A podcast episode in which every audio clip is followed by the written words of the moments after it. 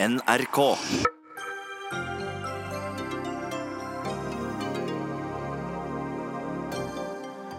Åpen splittelse i regjeringen. Venstre krever endringer i skissen om bompenger, men Frp nekter å forhandle. Regjeringssamarbeidet kan stå på spill.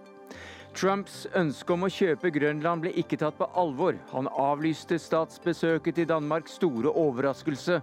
Burde ikke overraske noen, sier kjenner av internasjonalt diplomati. Senterpartiet vil bruke millioner på billigere flybilletter til utkanten. Populistisk og klimafiendtlig, sier MDG. Og Arbeiderpartiet vil ha en nasjonal læreplassgaranti. Nok en garanti de ikke kan oppfylle, sier Høyre.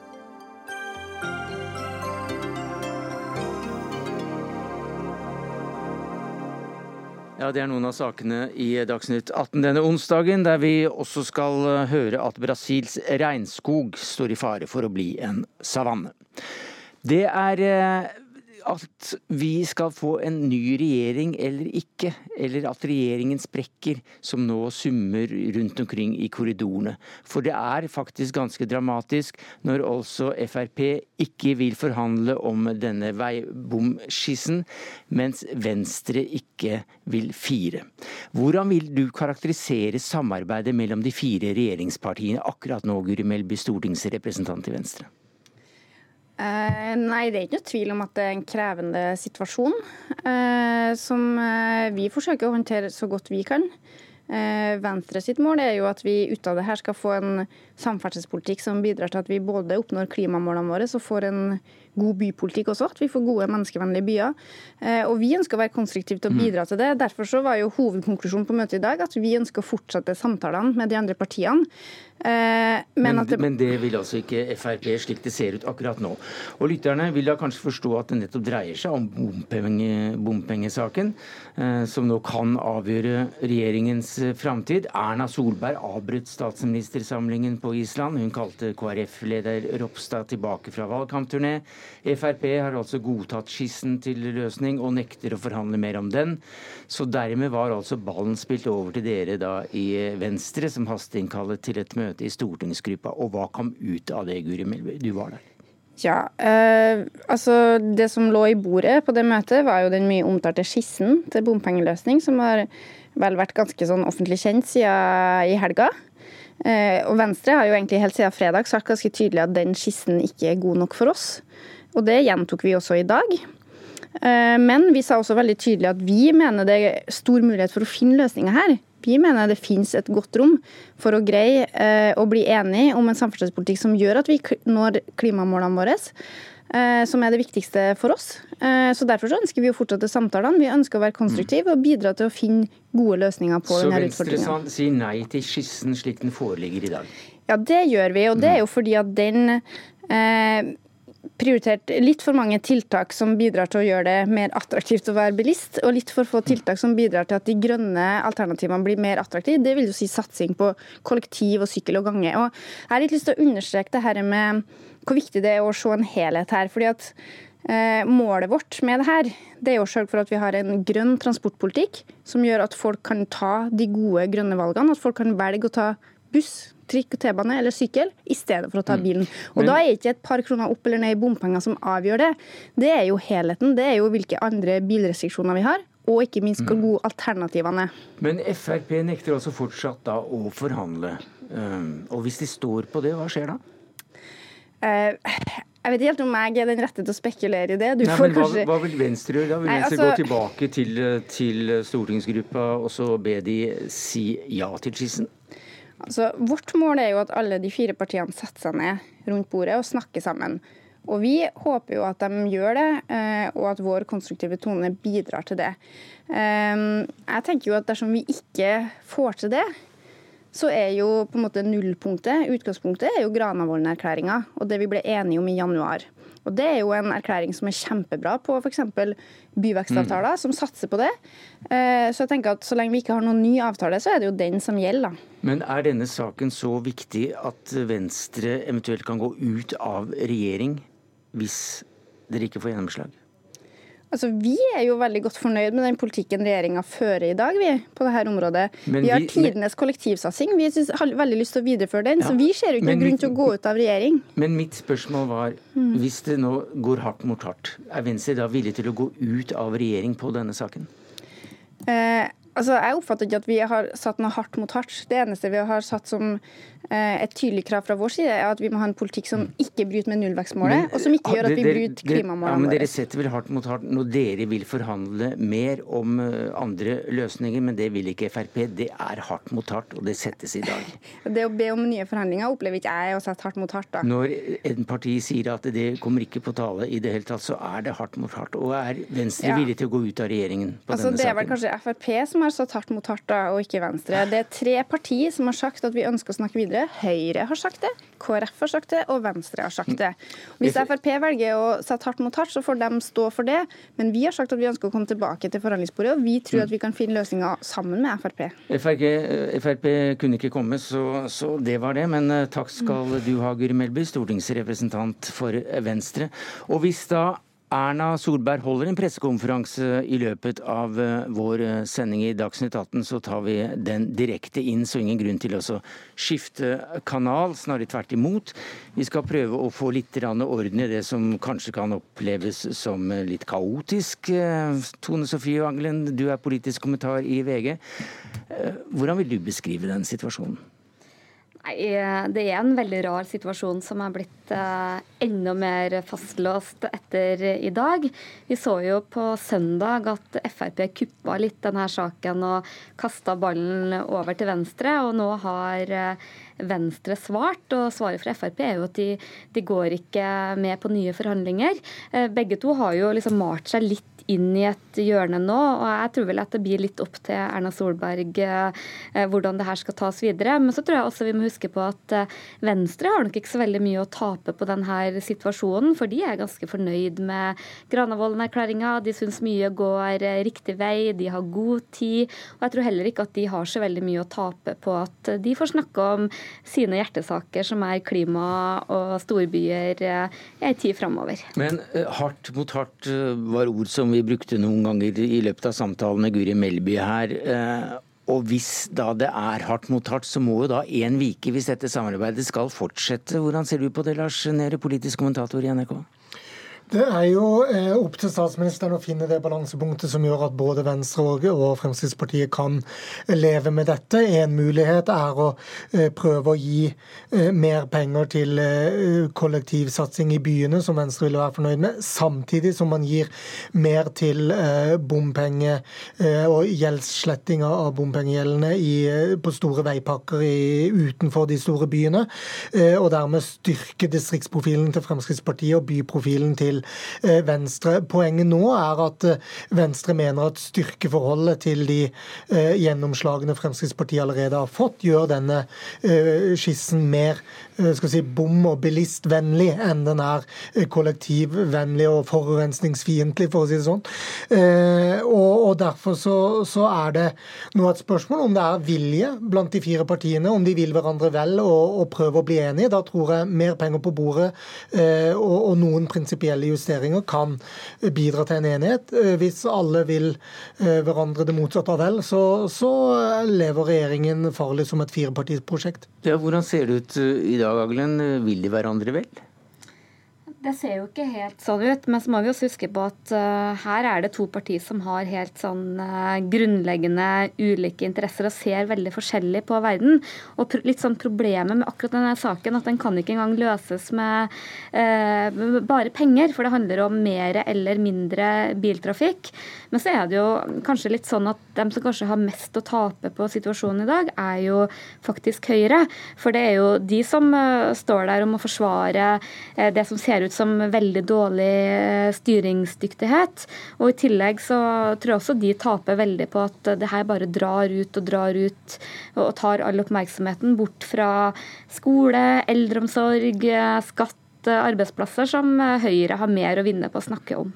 Ja, Hvem er det som eh, kommer til å vike til slutt da, og kaste inn håndkleet og si at uh, OK, vi eh, vi, vi, tar, vi, tar, en runde til, hvis ikke det kommer vesentlig mer penger på bordet?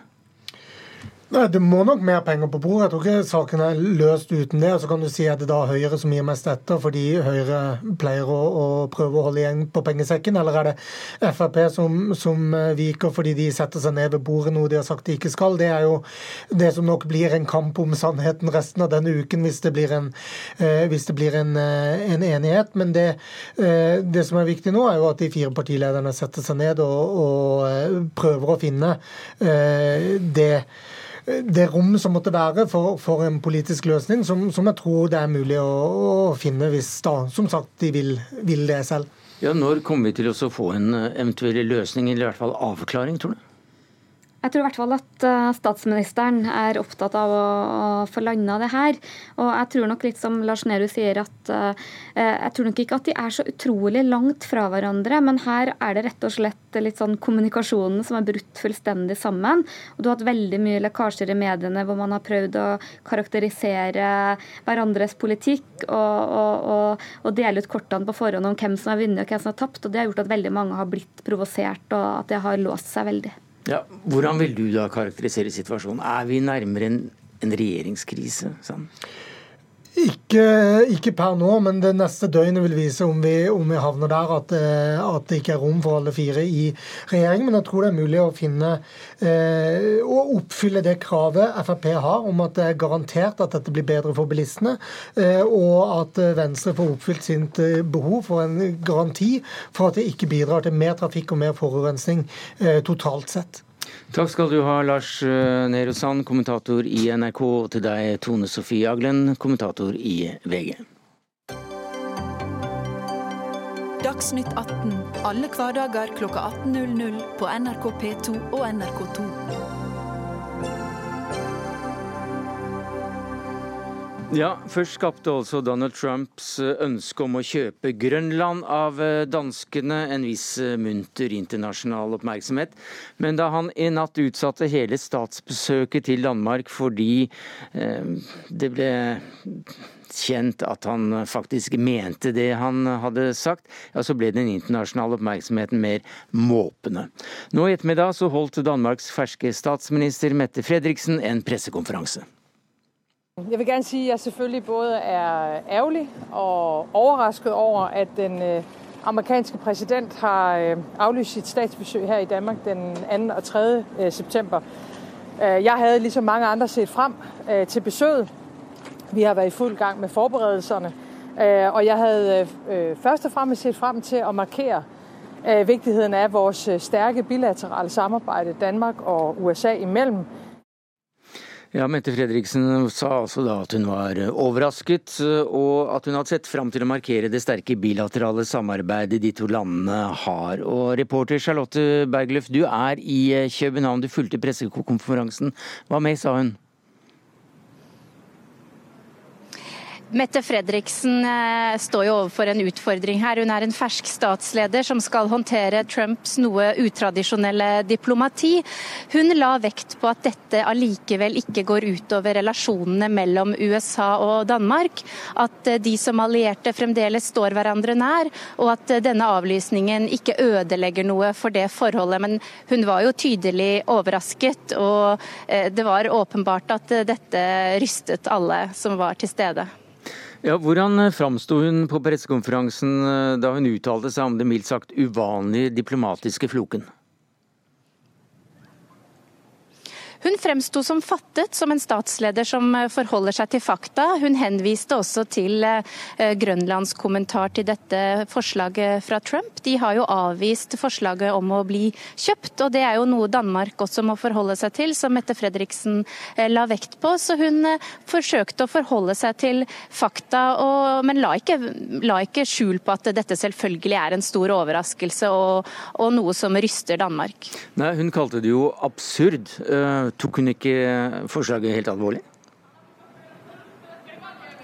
Det var vel de færreste som tok dette forslaget helt alvorlig. Man har jo en eiendomsforvalter i Det hvite hus som mange mener ikke kan så veldig mye om statsforvaltning når det kommer til denne typen diplomatiske samtaler.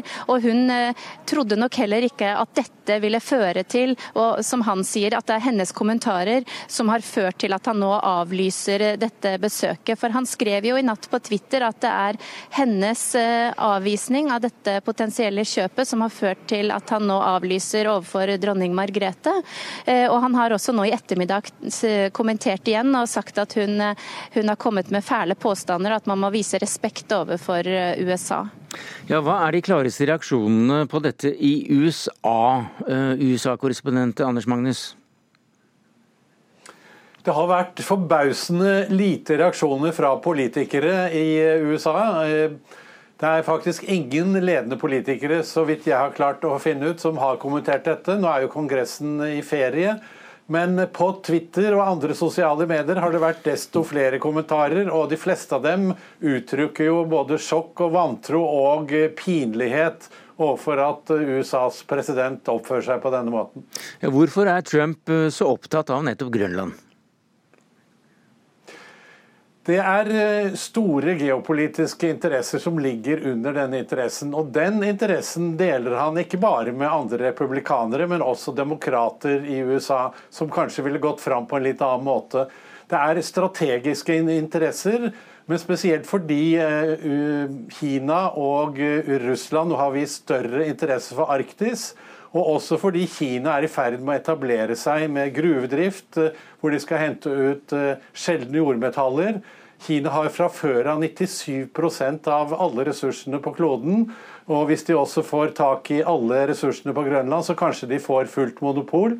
Og dette er jo viktige metaller som vi alle bruker f.eks. i mobiltelefonene våre hver eneste dag. Så, så, det er mange både ressursmessige og strategiske interesser som gjør eh, Grønland interessant.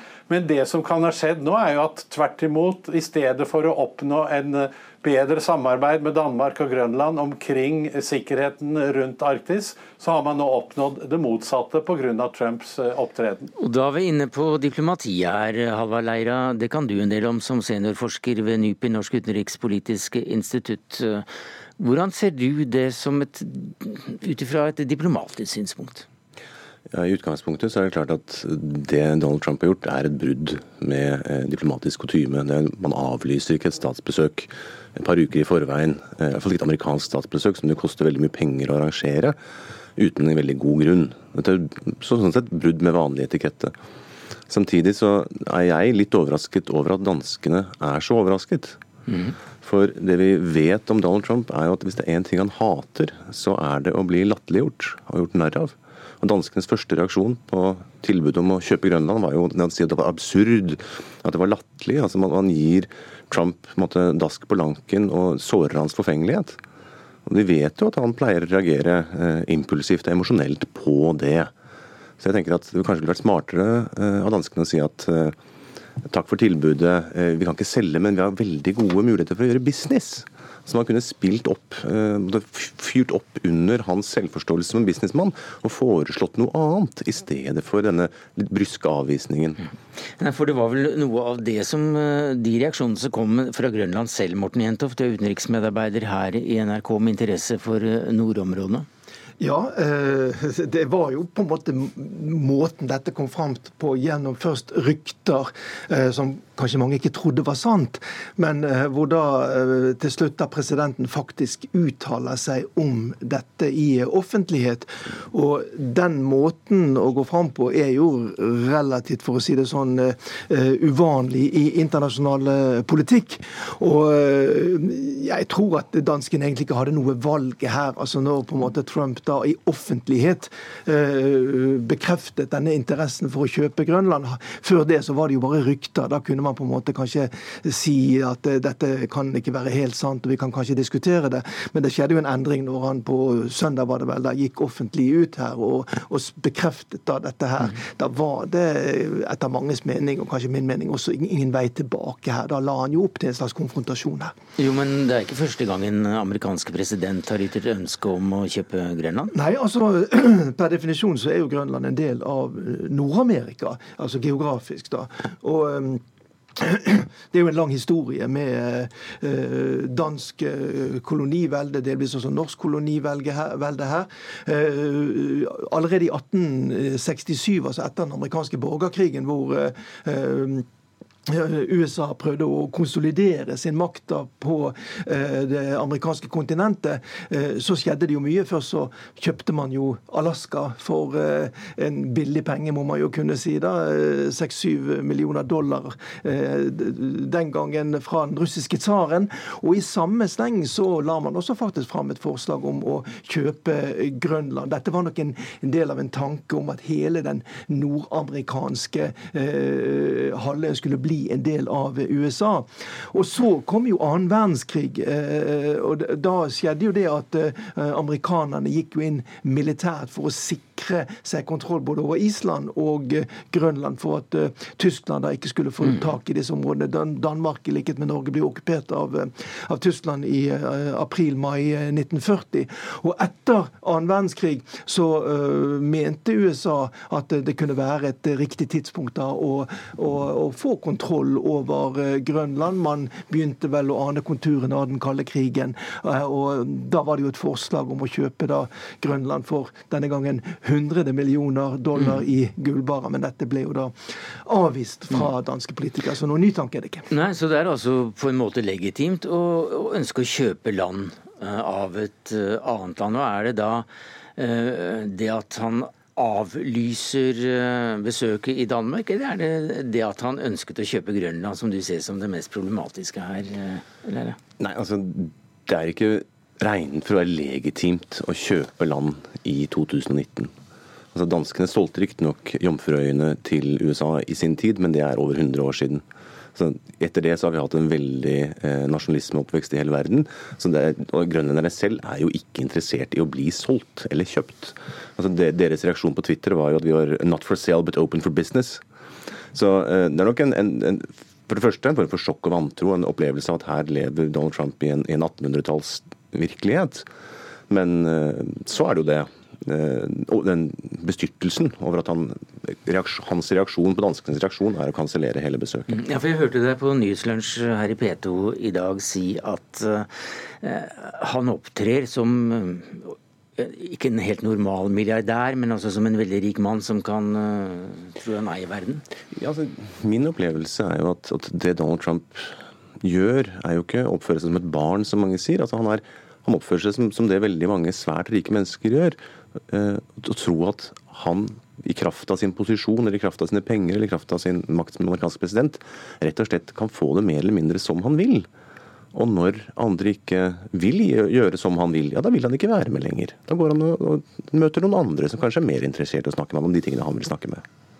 Men Morten Jentoft, som du nevnte så vidt, så hadde jo Norge også ganske stor interesse på Grønland. Altså, vi, vi, var jo vel i folkedomstolen, eller i domstolen i Haag eh, mellomkrigstiden ja. og fikk et nei til å få tilbake Grønland, og vi plantet et flagg der, og det var mye ståhei. Ja da, dette er jo en, kan du si, vil mange si, da, en kanskje lite ærerik del av eh, norsk utenrikspolitikk. Altså dette grønlandseventyret på begynnelsen av 30-tallet. Uh, Myggbukta er jo et navn som mange husker den gangen disse ekspedisjonene ledet av polarforskeren Helge Ingstad. Eh, det endte med tap i, i eh, den daværende internasjonale domstolen i, i, i, Haag. Eh, så Norge har også hatt interesser på, på Grønland. Men og derfor så er jo, i tillegg til at vi selvfølgelig også har vår kan du si, ikke koloni, men en del av Norge i dette området, nemlig Svalbard, som gjør da at det som nå skjer, er veldig interessant. Fordi at det som Donald Trump har klart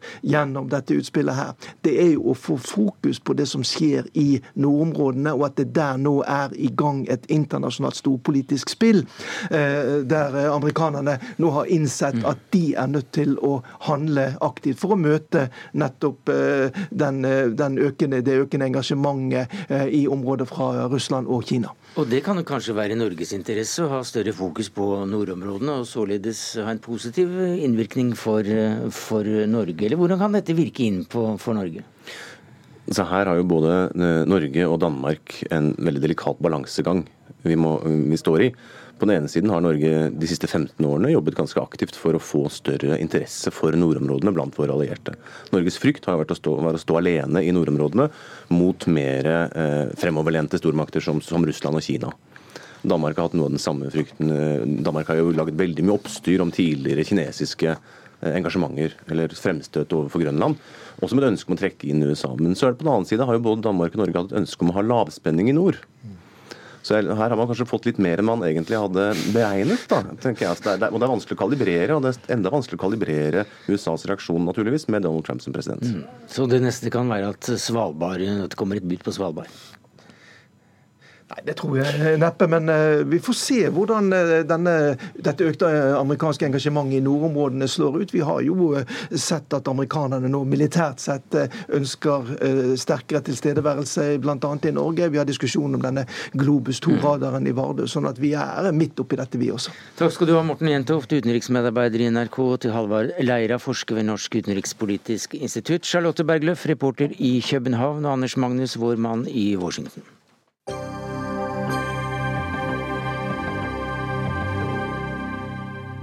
Ja, under et valgkamparrangement i Bodø i dag så lanserte Ap-leder Jonas Gahr Støre det han kalte en nasjonal læreplassgaranti.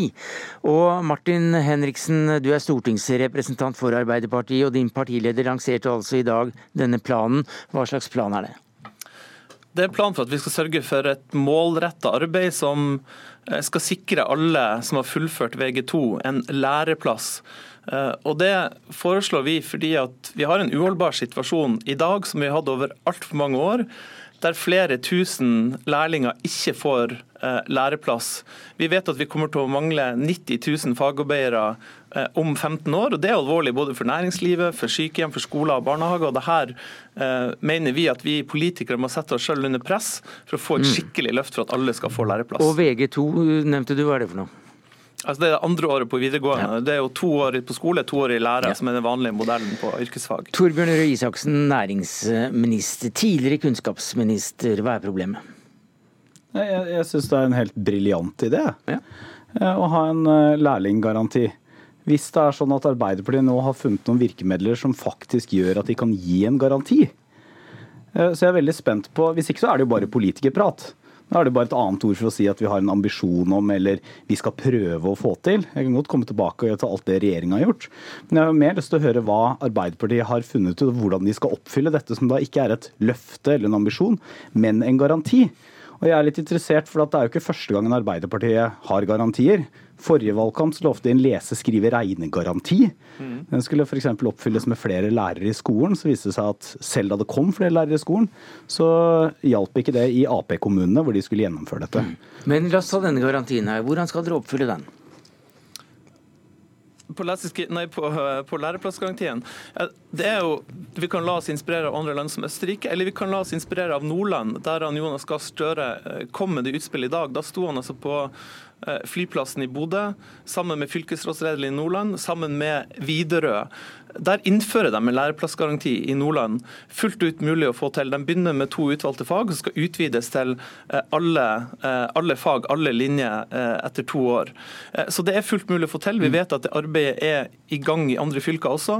Og det det bl.a. krever, det som er det aller viktigste, det er å ha et forpliktende samarbeid med arbeidslivet. Der fylkeskommunene må sørge for å opprette plasser der man vet det er læreplasser, og der næringslivet må forplikte seg til eh, å stille opp med eh, læreplasser. Ja, Hva sier det, du til det, næringsminister? Jeg syns det er helt supert. Og det, Nå mener jeg det virkelig. Eh, og jeg synes det er, det er helt enig med Arbeiderpartiet og Martin Henriksen i at det forutsetter at du har fylkespolitikere som er på, og så forutsetter at vi som er nasjonale politikere er på. Bare for å si litt om hva vi har gjort. da. Vi har økt nå lærlingetilskuddet sju ganger i løpet av den perioden vi har sittet i regjering. Vi innførte et krav om at hvis du skal selge varer og tjenester til det offentlige, så skal du ha lærling. Det kom under vår periode. Vi innførte en egen merkeordning for lærlingbedrifter for å profilere de bedre, eh, osv. osv. Alt dette har gjort at lærlingtallene har gått opp. Men vi har fortsatt lang vei å gå. Så min, min, min, uenighet er jo ikke om at vi skal ha flere lærlingplasser, og at næringslivet også må stille mer opp, og kommunene. Det er at det er, eh, hvis man bruker ordet garanti, som Arbeiderpartiet da, De har jo hatt en tiltaksgaranti, en ungdomsgaranti, en langtidsledighetsgaranti, en oppfølgingsgaranti. Alt har de levert, men det har jo aldri blitt fulgt. Og Da hjelper det ikke å kalle det en garanti hvis man ikke er villig til å faktisk gjøre det som trengs politisk for å komme dit. Da er det bare å kaste blår i øynene på folk, da, Henriksen. Men Torbjørn, Torbjørn Isaksen, det jeg hører nå, det er jo det vi har hørt i mange år fra Høyre, som jeg tolker som et tegn på litt manglende ambisjoner. For Vi har en alvorlig situasjon der veldig mange ikke får lærlingplass, over 5000 i året. Eh, og Det å komme med den type garanti er å sette oss selv, oss politikere, under press. Ungdomsgarantien funka jo, og det er jo et ord høyreregjeringa sjøl bruker, så det er en litt merkelig kritikk. Men f.eks. da Arbeiderpartiet tidlig 90-tall garanterte alle plass på videregående skole, rett til videregående opplæring, da var Høyre mot, men vi fikk det til. Barnehageforliket, da vi garanterte alle skulle få barnehageplass med makspris, det ønska ikke Høyre men vi fikk det til. Nå er jo læreplassgarantien det neste store løftet, der vi er nødt til å ha skikkelige ambisjoner for å unngå den situasjonen altfor mange ungdommer er i mm. i dag. Røe Isaksen må svare på det. Ja, altså, eh, Da man garanterte alle rett til videregående skoleplass, så lovfesta man det. Mm. Og mitt poeng er bare, altså, jeg mener at vi har I løpet av denne regjeringsperioden så har vi gjort mer for å løfte både yrkesfagene og for å få flere lærlingplasser enn som ble gjort tidligere. Men vi skal ikke bruke tida på å dvele ved fortiden. Så Mitt poeng er jo at eh, der Arbeiderpartiet nå kommer med en garanti så, altså En garanti er ikke bare at du lover, er ikke bare at du skal ha press på deg selv. Det er en garanti. Mm. Og Det betyr jo da at enten må dere lovfeste rett til lærlingplass, det er dere mot. Eller så er det bare et politikerord for at dere har et løfte og en ambisjon. Jeg deler den ambisjonen. Men det er altså ingen garanti. Og du kan jo da si litt om Forrige gang, forrige valgkamp så hadde dere lese-, skrive- og regnegaranti. Den skulle ja, gjennomføre i alle fort, ja, Det kan jeg godt svare på, ja, akkurat den med lese-, skrive- og regnegaranti, Torbjørn. Men kan jeg bare si, det, si ferdig, for at Dette er jo bare fire år siden, og dette skulle gjennomføres, sa Jonas Gahr Støre, i alle kommuner hvor dere hadde innflytelse eller makt. Mm. Nå har det kommet en lærernorm, så kommunene hvor dere har innflytelse og makt, har fått flere lærere. Allikevel mm. har dere ikke gjennomført dette i kommunen dere styrer. Og jeg men, skjønner jo da at mange blir litt mistenksomme, da. Unnskyld at jeg avbryter deg, Rysaksen, men er ikke dette forholdsvis vanlig i alle partier? Altså, dere er ikke helt frie for å, å komme med garantier, dere? heller. altså løfter, altså kommuner hvor vi trives, er en av de åtte store løftene til Høyre. Ja, hvis, kommuner hvis hvor vi trives. Hvis, hvis men, du ikke trives, hva skjer da? Men det, det, er selvfølgelig sånn at vi politikere skal ha ambisjoner. Og vi kan eh, komme med valgløfter, vi kan si hva vi ønsker å prioritere. Mm. Også sånn at det er helt greit. Også med eh, garantier. Også, nei, men det er også sånn at det er helt greit å si at vi lover det hvis vi får bestemme alene, men så må vi kanskje kompromisse med noen og sånn. Jo, men Granavolden-erklæringen her, her, her, står det at i Granavolden-erklæringen står det regjeringen din vil bl.a. innføre en koordinatorgaranti ja, for familier også, med barn ja, med spesielle behov. Vi, vi, også, vi også har gitt garantier, og da er det sånn at da følger det konkret lovverk med. Innføre eh, statlig delgaranti for bompengelån. Ja, og det er jo innført. ikke sant? Altså, så, eh, så, det er sånn at Når du gir garantier, så må det være noe mer der enn mm. bare en ambisjon. Mm. Og, jeg, eh, og, det, og, Særlig hvis du strør om deg med garantier som du har en tendens til å glemme i det øyeblikket perioden er over. Og da er det jo sånn at det er utrolig viktig å fortsette det trykket som vi har fått til nå sammen med partene i arbeidslivet, og fylkespolitikerne for å få flere lærlingplasser. Nå var det rekordmange som fikk i, i fjor og i år. Men vi har fortsatt mye igjen. Da hjelper det ikke bare å si garanti. Altså vet du hva, Torbjørn? Det her holder ikke. Eh, det er ikke ambisiøst nok. Og Hvis jeg hadde vært kunnskapsminister, er så hadde jeg sagt garanti? Hvis jeg altså, bruker ordet garanti, gjør det ved seg selv mer ambisiøst? Kan bare spørre deg om det? Altså, vet du hva, Torbjørn? Nå er det ikke måte på hvor mange oppslag og utspill Høyre hadde i denne valgkampen her, der dere kritiserer Arbeiderpartiet for hvilke ord vi bruker. Vet Du hva, Torbjørn? Du kan si fra når Høyre er klart å slutte å leke språkpoliti og begynne å diskutere politikk. F.eks. lærlinggarantien. Ja, la oss gjøre det, da. Lærlinggarantien. Hvis jeg hadde vært kunnskapsminister, eller næringsminister for den saks skyld, så hadde jeg sagt til fylkene hvis ikke dere har det her på plass om ett år, skikkelig forpliktende samarbeid med næringslivet, for det, det er det vi vet virker best for å få Eh, på plass de læreplassene man trenger, ja, så pålegger dere å få det på plass. Ta i bruk ordentlige, skikkelig sterke virkemidler som sørger for å få orden på situasjonen. Og Det er det dere må være villige til å gjøre. Da får vi se om eh, denne debatten rusler eh, og går om akkurat denne læringsgarantien også. Takk skal du ha, Martin Henriksen, stortingsrepresentant for Arbeiderpartiet, og til Torbjørn Røe Isaksen, næringsminister fra Høyre. Marit Arnstad, eh, parlamentarisk leder for Senterpartiet. Hvorfor vil dere gjøre det billigere å fly? Jo, det, jo, det, vil vi gjøre fordi det er jo folk og familier og næringsliv som er helt avhengig av kortbanenettet, som ikke har noe kollektivt alternativ. Og For dem så er flybillettene på kortbanenettet veldig dyre i dag. Eh, og Alternativet hvis du ikke tar den flyturen, det er jo kanskje å sitte i ti timer i bil Eh, dit du skal. Og Det gjør det tungvint, både for familier som skal på besøk eller konfirmasjon eller bryllup eller andre ting, eller det er for næringslivet som skal eh, kunne bidra til økt verdiskaping. Så Derfor så mener vi at du bør redusere flyprisen på kortbanenettet på Vestlandet og i Nord-Norge. Det vil ha vært en fornuftig politikk for å mm. utvikle de regionene. Natalia eh, Golis, du er fylkesleder for MDG på Vestlandet. Hva sier du til dette? Nei, det jeg sier at Senterpartiet nå gjør distriktet en kjempebjørnetjeneste. Og så Vi er nødt til å sette ned prisen på flybillettene for å gjøre det billigere. Altså, vi kan ikke gjøre det billigere å forurense, vi må legge opp til at det blir lettere å være miljøvennlig. Og Jeg forstår ikke hvordan Senterpartiet kan tenke at dette er god distriktspolitikk. God klimapolitikk og god distriktspolitikk trenger ikke å være en motsetning. Jeg kommer sjøl fra en kjempestor fylke. Det blir lange avstander, og vi er nødt til å finne gode løsninger for at folk kan være mobile. Og at Senterpartiet i sin tid i regjering ikke tok tak i dette, ikke la til rette for rassikring på våre veier, ikke la til rette for bane til Nord-Norge, og heller ikke ser mulighetene nå for elflysatsingen. Dette er ren mm. symptombehandling, føler vi. Men Vi ser muligheten for elflysatsinga. Jeg tror at det norske kortbanenettet kommer til å bli elflybasert etter hvert. Men problemet er jo at passasjerantallet på kortbanenettet har gått ned hvert år siden 2013. Og Det har nok en del sammenheng med de økte avgiftene som Høyre og Frp har lagt på bl.a. kortbanenettet. Og Det gjør at det er færre som reiser med kortbanenettet. Og vi må ikke ødelegge kortbanenettet mens vi på en måte går og venter på utviklinga av elfly. For jeg tror nettopp at det norske kortbanenettet er perfekt for utprøving mm. av elfly. Men så må jeg si vi skal selvsagt legge til rette for at folk kan gjøre miljøvennlige valg. Men det finnes ikke så veldig mange kollektive alternativ hvis du bor i noen av byene langs Finnmarkskysten, eller hvis du bor ute i Vesterålen og Lofoten. Det finnes ingen eh, tog, det finnes ingen trikk, det finnes ingen mulighet til å bruke noe sykkel eller gange. Du, må, altså, du har to valg. Enten tar du flyet på kortbanenettet, eller så må du kjøre bil. Ja, Golis. Ja, dette er vi fullstendig klar over. og Derfor har faktisk MDG vært det partiet på Stortinget som har foreslått lavest avgift i de områdene der det ikke finnes noe reell alternativ.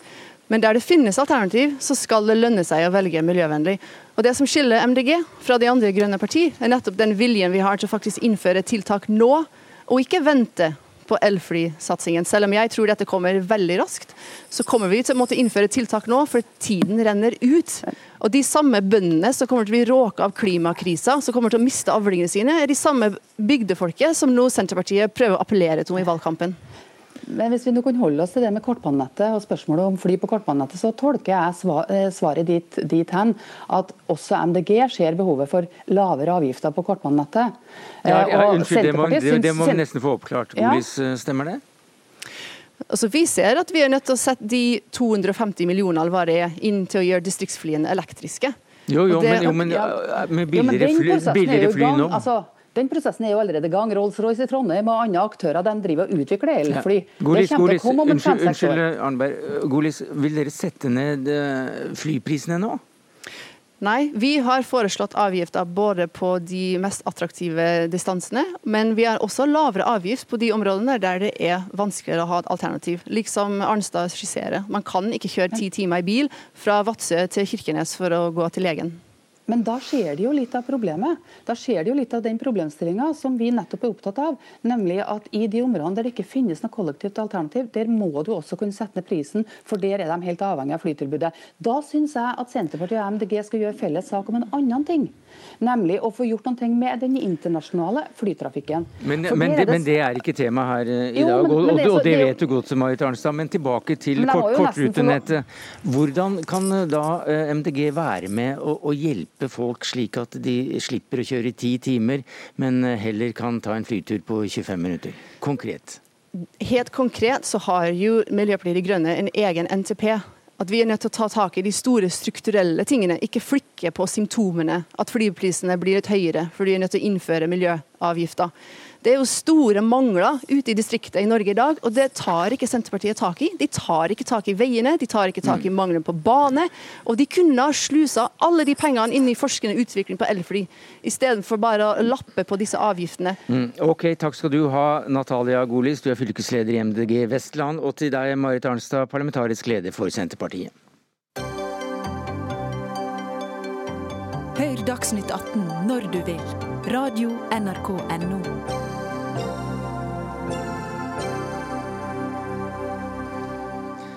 Ja, Det skal fremdeles dreie seg om klima, men vi skal til Brasil og situasjonen i Amazonas. For regnskogen i Brasil preges i disse dager av rekordmange skogbranner og kraftig økning av avskoging under president Bolsonaro. Han vil bruke mer av skogen til landbruk og industri. Og nå slår klimaminister Ola Elvestuen fast at Brasil har brutt avtalen inngått med Norge og holder igjen årets utbetaling. Siden Amazonafondets oppstart i 2008 har Norge som kjent gitt 8,3 milliarder kroner til tiltak mot avskoging. Og Bård Vegar Solhjell, nå generalsekretær i Verdens naturfond, du mener at Norge må bruke en frihandelsavtale, som er litt i spill nå som pressemiddel. Hvorfor det? Ja, fordi det er så dramatisk, det som skjer. Det er trolig det farligste og mest negative for klimaet i verden som skjer akkurat nå. Amazonas står i brann. Bare i, bare i eh, juli i år så ble det avskoga et eh, område som er like stort som Vestfold fylke. Og avskoging har skutt i været. Eh, Målingen nå på 278% vekst. Og Det er viktig å forstå at det handler ikke bare om liksom noe langt vekke. Det handler om oss. Fordi hvis Amazonas går dukken, hvis vi ikke klarer å redde Amazonas, har vi ingen sjanse å nå verdens klimamål. Det vil påvirke vårt klima her i Norge. Det er en direkte interesse. Det er våre branner og jordras og, og, og, vårt klima som står på spill. Og Da tror jeg at realistisk sett, det, det er bra etter min oppfatning at Ola Elvestuen sier klart ifra å holde igjen penger når det er avtalebrudd. Regnskogsatsinga har vært viktig, men skal vi nå gjennom, mm må vi ramme interessene til Brasil, bl.a. gjennom en frihandelsavtale. Eh, Elvestuen er ikke her. Eh, han kunne ikke diskutere akkurat denne avtalen, for han mener at ikke det er hans gebet. Arnt Stefansen, du er utenriksmedarbeider her i NRK. Utviklingen i eh, regnskogen den har gått i negativ retning, ifølge mange synsere, under den nåværende presidenten. Hva er koblingen? Nei, det er klart at Bolsonaro har en helt opp, annen oppfatning av hvordan eh, Amazonas skal brukes enn eh, en mange andre. Eh, han mener at man har i for stor grad prioritert vern som en helt sånn generelt prinsipp.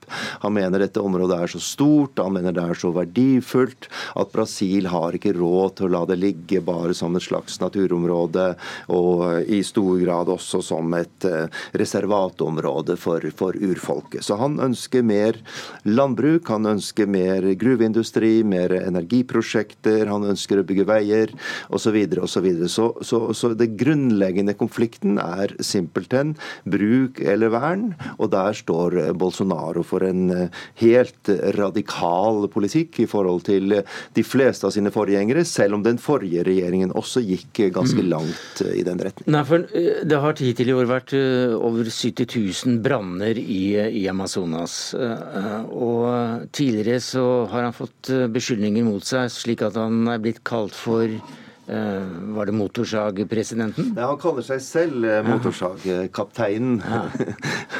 så han er liksom litt stolt av dette. her. Men etter alle brannene så så kaller han seg for uh, keiser Nero og forteller at det var Nero som var keiser da Roma sto i brann, mm. og osv. Har denne mannen selv noe av skylden for det som skjer nå, slik dere ser det, Bård Vegar Solhjell? Ja, Vi i WWF mener det, for det første fordi de har gjort eh, endringer i avtalene med Norge og prøver å gjøre institusjonene mindre uavhengige, skjule tall. Men fordi de òg oppfordrer og sier så tydelig at eh, de ikke vil slå ned på ting. Det er Mye tyder på at en del av brannene nå, som er mange er påsatt, De man brenner ned for å kunne gjøre om regnskog til jordbruk og kvegeområder osv. Eh, men det vi må spørre oss om, sant, er hvordan kan vi påvirke det her som er så enormt viktig for vårt klima og, og verdens eh, globale klima. Og Da er det viktigste å tenke at vi må ha en grønn utenrikspolitikk, ikke bare en grønn politikk i ett departement, hvis vi mener alvor med det. Statsministeren, utenriksministeren bør gjøre regnskog i Brasil til et stort tema når de skal til FN-toppmøte om en måneds tid, få andre land med på det samme. Eh, og vi må bruke interessene våre, f.eks. gjennom handelsforhandlinger. For Vi forhandler nå om en avtale med Brasil akkurat nå gjennom EFTA. Eh, det kan ende med at frihandel blir lettere for Brasil. At de, at de, produktene som fører til avskoging, får et større og bedre marked hos oss. Jo, men 8,3 vært... milliarder har altså den norske staten ja. og norske skattebetalere altså gitt til mm. Brasil for å stoppe denne nedhoggingen mm. eller alle de brannene. Og ifølge Brasils egen miljøvernminister så er det bortkastede penger. Ja, De kunne ikke tatt mer feil. Eh, tvert imot. Vi, har, vi, Norge, har bidratt til å redusere avskoginga og dermed stoppe klimagassutslipp. Men Tror du ikke at det, landets det, egen miljøvernminister vet hva han snakker om? Nei, jeg tror at han er bare dønn uenig og ikke tror på klimaendringene og vil gjøre noe med det. det tvert imot tror jeg det viktigste klimatiltaket Norge har gjort. Og det er nettopp derfor, fordi vi har investert så mye i det, fordi hele verden stort sett er enig i, gjennom Parisavtalen, Eh, og avtaler med Brasil og andre om avskoging, at vi gjør noe med det. Mm. Nettopp derfor ikke vi må stoppe opp med det. Vi må tvert imot hvis jeg får bare avslutte, må tvert imot styrke argumentasjonen, og òg være villig til å ta det inn i handelsforhandlinger, sånn at istedenfor at Brasil tjener på avskoging, så settes det krav for at ja. det skal få frihandel. Og Nå er det altså 300 millioner kroner som holdes tilbake i denne omgang. Arnt Stefansen, eh, du kjenner jo Brasil veldig godt, ditt andre eller er det tredje eller fjerde hjemland. Eh, er brasilianere selv opptatt av dette? Ja, de brasilianerne har alltid vært opptatt av Amazonas. Det er en stolthet, det er noe hele verden har hørt om. Man har en omsorg for urfolket som befolker dette området. Eh, og det var stor oppslutning om den politikken som jo startet under Lola-regjeringen med miljøvernminister Marina Silva, eh, om å redusere avskogingen. Og det var jo paradoksalt nok var det jo faktisk den største reduksjonen produksjon eh, i dette området på mange tiår, var jo de første årene under, under, under Lola. Eh, og så kom jo Amazonasfondet inn og, og for så vidt eh, fortsatte denne nedgangen og, belønnet da den, den, den, det arbeidet som var gjort på å gi disse pengene. Og det var ingen upopulær politikk hos brasilianere flest. Så det er vanskelig å måle akkurat denne politikken til Bolsonaro, hvor populær den er. Snakker du med folk i Rio så er veldig mange skeptisk til, eh, altså der jeg bor, til Bolsonaros Amazonas-politikk. Jeg tror Stefansens poeng er veldig viktig. Det finnes en sterk motstand mot politikken i Brasil, og skog og skogbevaring, regnskog, er et stort politisk spørsmål i Brasil. Ikke sånn lite som det skog ofte blir i Norge. Og nettopp derfor vil kraftig press utenfra og trykk på økonomiske interesser legge trykk på presidenten og regimet. Og jeg tror det er den eneste realistiske muligheten til å påvirke en president som ellers ikke liksom, hører på alle mulige ting som, som, eh, som ja, klimavitenskap og, og ta vare på naturen osv. Men en ny rapport viser også at avskogingen eh, nå er på et vippepunkt. Jeg vet ikke om det er å å dramatisere litt overdrevet, men uh, det sies at store deler av regnskogen blir forvandlet til deler, at deler av regnskogen blir forvandlet til en tørr savanne. Ja, og altså det, det, renommerte magasinet The Economist skrev på forsida si for et par uker siden 'likvake for Amazonas'. Og Det er nettopp fordi mange forskere mener at vi nærmer oss grensa der økosystemene bryter sammen. Og det er mange av de enorme verdiene i naturmangfoldet der som er viktig for eh, oss på mange måter. Og klimaet kan bli ødelagt, og karbonlageret kan bli ødelagt. Og som du sier, at det blir en slags savanne. F.eks. at det blir mer skogbranner, skyldes også delvis at skogdekket blir borte, sola kommer bedre til, det er lettere å antenne. Og Det er nettopp derfor jeg bruker såpass sterke ord og syns at det skal være et hovedtema i vår utenrikspolitikk og ved vår viktigste interesse overfor Brasil. Uten Amazonas ikke mulig å nå verdens klimamål. Og det har direkte effekt på hvordan vi vil merke global oppvarming i framtida. Eh, det er en ufattelig naturressurs som vi og andre har eh, nytte av. Vi må forstå hvor enormt mm. viktig for oss sjøl og verden. Men Norge er jo et, fremdeles et lite land i verden, og er president, som en tidligere statsminister sa. Men uh, Arnt Stefansen, uten uh, den brasilianske regjeringens uh, samarbeidsvilje, så går jo ikke dette, selv om Norge gir aldri så mye penger? Nei, I øyeblikket så, så er det jo Bolsonaros politikk som gjelder, så, som gjelder og som settes gjennom. og den har jo da fokus, som jeg nevnte, på disse næringsinteressene interessene og i mye mindre grad fokus på, på vern enn det man har hatt tidligere. Vi gjentar at eh, Elvestuen, eh, ministeren, ikke hadde anledning til å komme og snakke om disse forhandlingene som er eh, pågående, og heller ikke denne frihandelsavtalen som ikke er hans bord. Men takk for at du kom, Bård Vegar Solhjell, generalsekretær i Verdens naturforbund, og Arnt Stefansen, utenriksmedarbeider i NRK.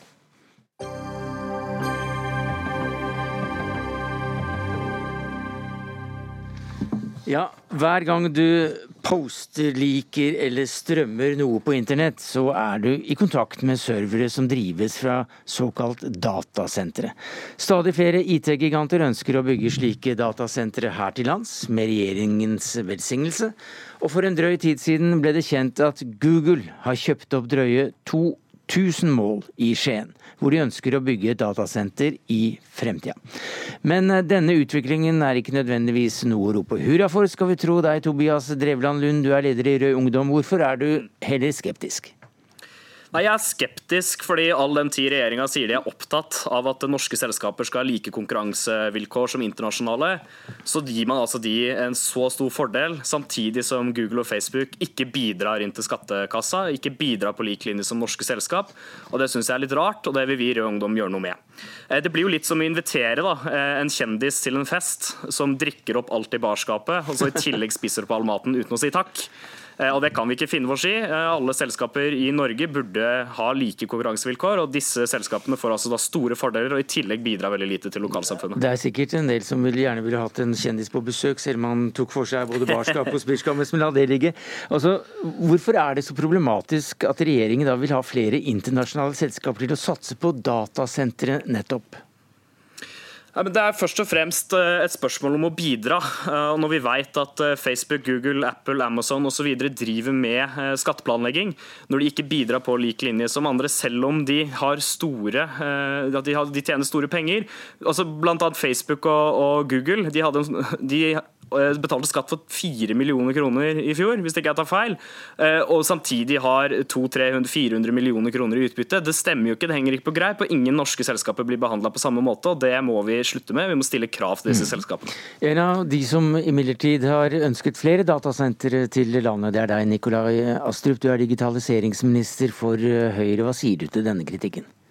Jeg tenker at Norge har eh, alle forutsetninger for å bli en ledende datasenternasjon, og vi bør ta vår andel av den verdiskapingen som dette kommer til å, eh, å bli eh, veldig mye av. Det er klart, Vi vet at veksten i data som genereres blir enorm fremover.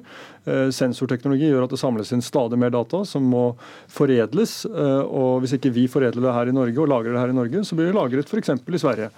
Vi, eh, eller i andre europeiske land. Eh, og Vi har alle forutsetninger for å, eh, for å være en stor datasenternasjon. Det vil være bra for klima og miljø om dette skjer i Norge, fordi, vi har, fordi vi har ren fornybar energi. og Disse datasentrene de krever mye energi.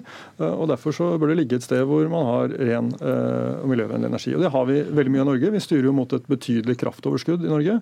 Alternativet er altså da bl.a. å eksportere en del av den kraften til Sverige, slik at de kan skape verdier verdier der. Og når, eh, når Eh, min motdebattant sier at det ikke blir noen verdier av dette, så er jo det grunnleggende feil. Altså Sverige har kommet mye lenger enn oss på dette. og I 2015 så var verdiskapingen fra datasentervirksomhet anslått til 13 milliarder svenske kroner. Eh, det skapes også betydelig med arbeidsplasser eh, fra dette, og mye også mm. fra driftsfasen. Så her er det, eh, Og de betaler selvsagt skatt som alle andre. Så her blander jo han snørr og barter. fordi han blander at Google betaler for lite, etter min mening også, skatt for, på de mm. annonseinntektene de har i Norge. Men dette vil jo være fysisk virksomhet i Norge, hvor de betaler ordinær selskapsskatt mm. som all annen virksomhet. Men Da har jeg tre spørsmål til ministeren. og For det første så er det at Stortinget har bedt regjeringa om å legge press på skattlegging av selskapene i OECD. Hvordan følger dere opp det her? Stortinget har også bedt regjeringa om å skjerpe land-til-land-rapporteringa, noe dere ikke gjør. så Det er også på deres fang. Og så trenger vi et eh, nasjonalt eierskapsregister, altså jobbe for et internasjonalt eierskapsregister, slik at vi ser hvem som er interessene her. og der også. Det har de innført i Danmark, men eh, hos regjeringa og dere så får man ikke gjennomført det. Hvorfor det? La oss ha det siste først.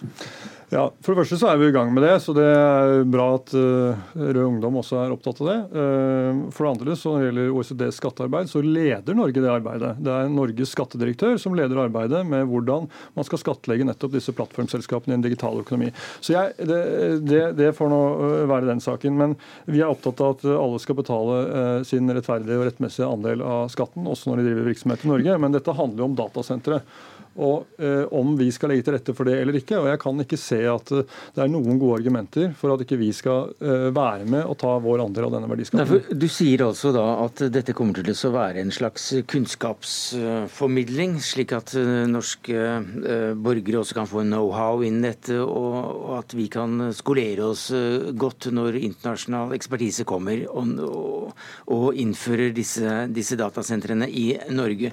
Men det er jo bare maskiner som står der og som skal liksom pusse litt på og tørke støv av. Er det, er det spisskompetanse-know-how som virkelig kommer til Norge med slike sentre?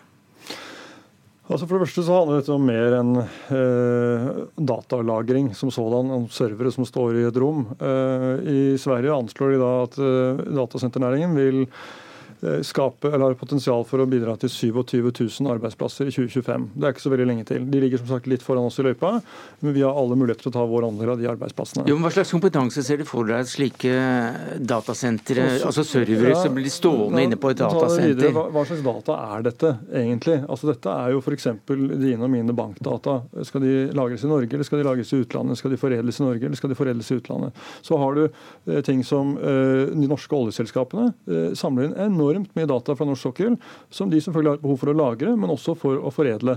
Eh, og Så er det spørsmålet om man skal kunne gjøre det i Norge, eller om vi skal legge til rette for at alt det skjer et annet sted. Jeg er opptatt av at vi skal ha verdiskaping i dette landet, at vi skal bygge videre på kan du si, Nå er vi inne i industri 4.0-fasen. Eh, og vi har bygget industrifasene våre før på fornybar energi. 4.0? Ja, altså Når man snakker om den digitale økonomien som mm. industri 4.0, den fjerde industrielle revolusjon, er digital. og Spørsmålet er om Norge skal være med å posisjonere oss i det markedet eller ikke. og Mitt tydelige svar på det er at det har vi alt å tjene på, fordi det vil skape grunnlag for en IT-klynge i Norge som er enda bedre enn den vi har i dag. Men vi kan jo bare benytte oss av utenlandske datasentre? Ja, jeg, jeg er veldig for at norske aktører skal investere i datasentre i Norge, og det gjør de heldigvis. Så Vi har flere eksempler på det. Både Lefdal gruver og Green Mountain Mountain, norske aktører som investerer mye penger i dette. Men det er bra at også internasjonale aktører Her er det jo land som konkurrerer eh, over hele verden om å få disse datasentrene. At de også ser til Norge. Når Microsoft nå sier at vi skal bygge to store datasentre i, i, Norge, så er det kjempebra for oss. Og det er bra at eh, vi blir sett på som en mm. attraktivt eh, nasjon for, attraktiv nasjon for datasentre. Lund? Alle heier på arbeidsplasser. Jeg heier også masse på arbeidsplasser. og Det er jo ikke slik at Rødt har lagt ned totalforbud mot datasentre, men det kommer på en forutsetning. Vi må invitere de hit på en forutsetning, og det er at de bidrar på lik linje som norske selskaper. Norske selskaper betaler rundt 23 eh, selskapsskatt. Det gjør da åpenbart ikke disse, gjennom planlagt skatte, gjennom at de driver og planlegger skatten sin og legger det til skatteparadiser. Blant annet så har jo eh, Google beviselig også gjemt vekk penger, bl.a. i Bermuda. og Det tenker jeg at det må de slutte med. og De må bidra til fellesskapet fellesskap. og da kan vi snakke om å invitere de. Men så er det jo også hvor man legger disse datasentrene. og Jeg er jo litt skeptisk til å drive og legge beslag på masse uberørt natur og store naturområder. Jeg tenker først og fremst da at Man burde også bruke de stedene der man har nedlagt industri og kanskje har næringstomter fra før. Eh, og Det er jo ikke nødvendigvis tilfellet overalt. 2000 mål. Ja, altså Skien kommune må svare for sin egen reguleringsplan, det kan ikke jeg gjøre. Eh, jeg er opptatt av at vi skal legge til rette for at uh, norske og utenlandske aktører ser det som attraktivt å satse på dette. Og Hvis du ser på de norske aktørene som har investert, de jeg nevnte i sted, så jo, har jo de investert i henholdsvis en nedlagt gruve og en gammel uh, fjellhall. Så Med stor kapasitet og med mulighet for å skape mange nye arbeidsplasser og store verdier for det norske samfunnet. Så Det er en myte at ikke dette skaper arbeidsplasser, og den myten må vi slå hull på. Fordi i Sverige utgjør dette en betydelig næring. og Grunnen til at de ligger foran oss, er at vi altfor lenge hadde for dårlige rammevilkår for denne næringen. Det har denne mm. regjeringen gjort noe med. og Nå er det like rammevilkår enten du driver datasenter eller annen kraftforedlende virksomhet. og Det gjør at vi mm. er blitt attraktive for eh, etableringer. Datasenteret, den nye oljen? Det vil jeg ikke si, men det er viktig at vi får flere ben å stå på, og dette er en viktig brikke i det. Takk skal du ha, Nikolai Astrup, digitaliseringsminister for Høyre, Tobias Drevland Lund, leder i Rød Ungdom. Det var det vi rakk i Dagsnytt 18 denne onsdagen, takket være ansvarlig for det hele Jarand Ree Mikkelsen. Det tekniske ansvaret hadde Erik Sandbråten. Jeg heter Sverre Tom Rade. Vi ses i morgen.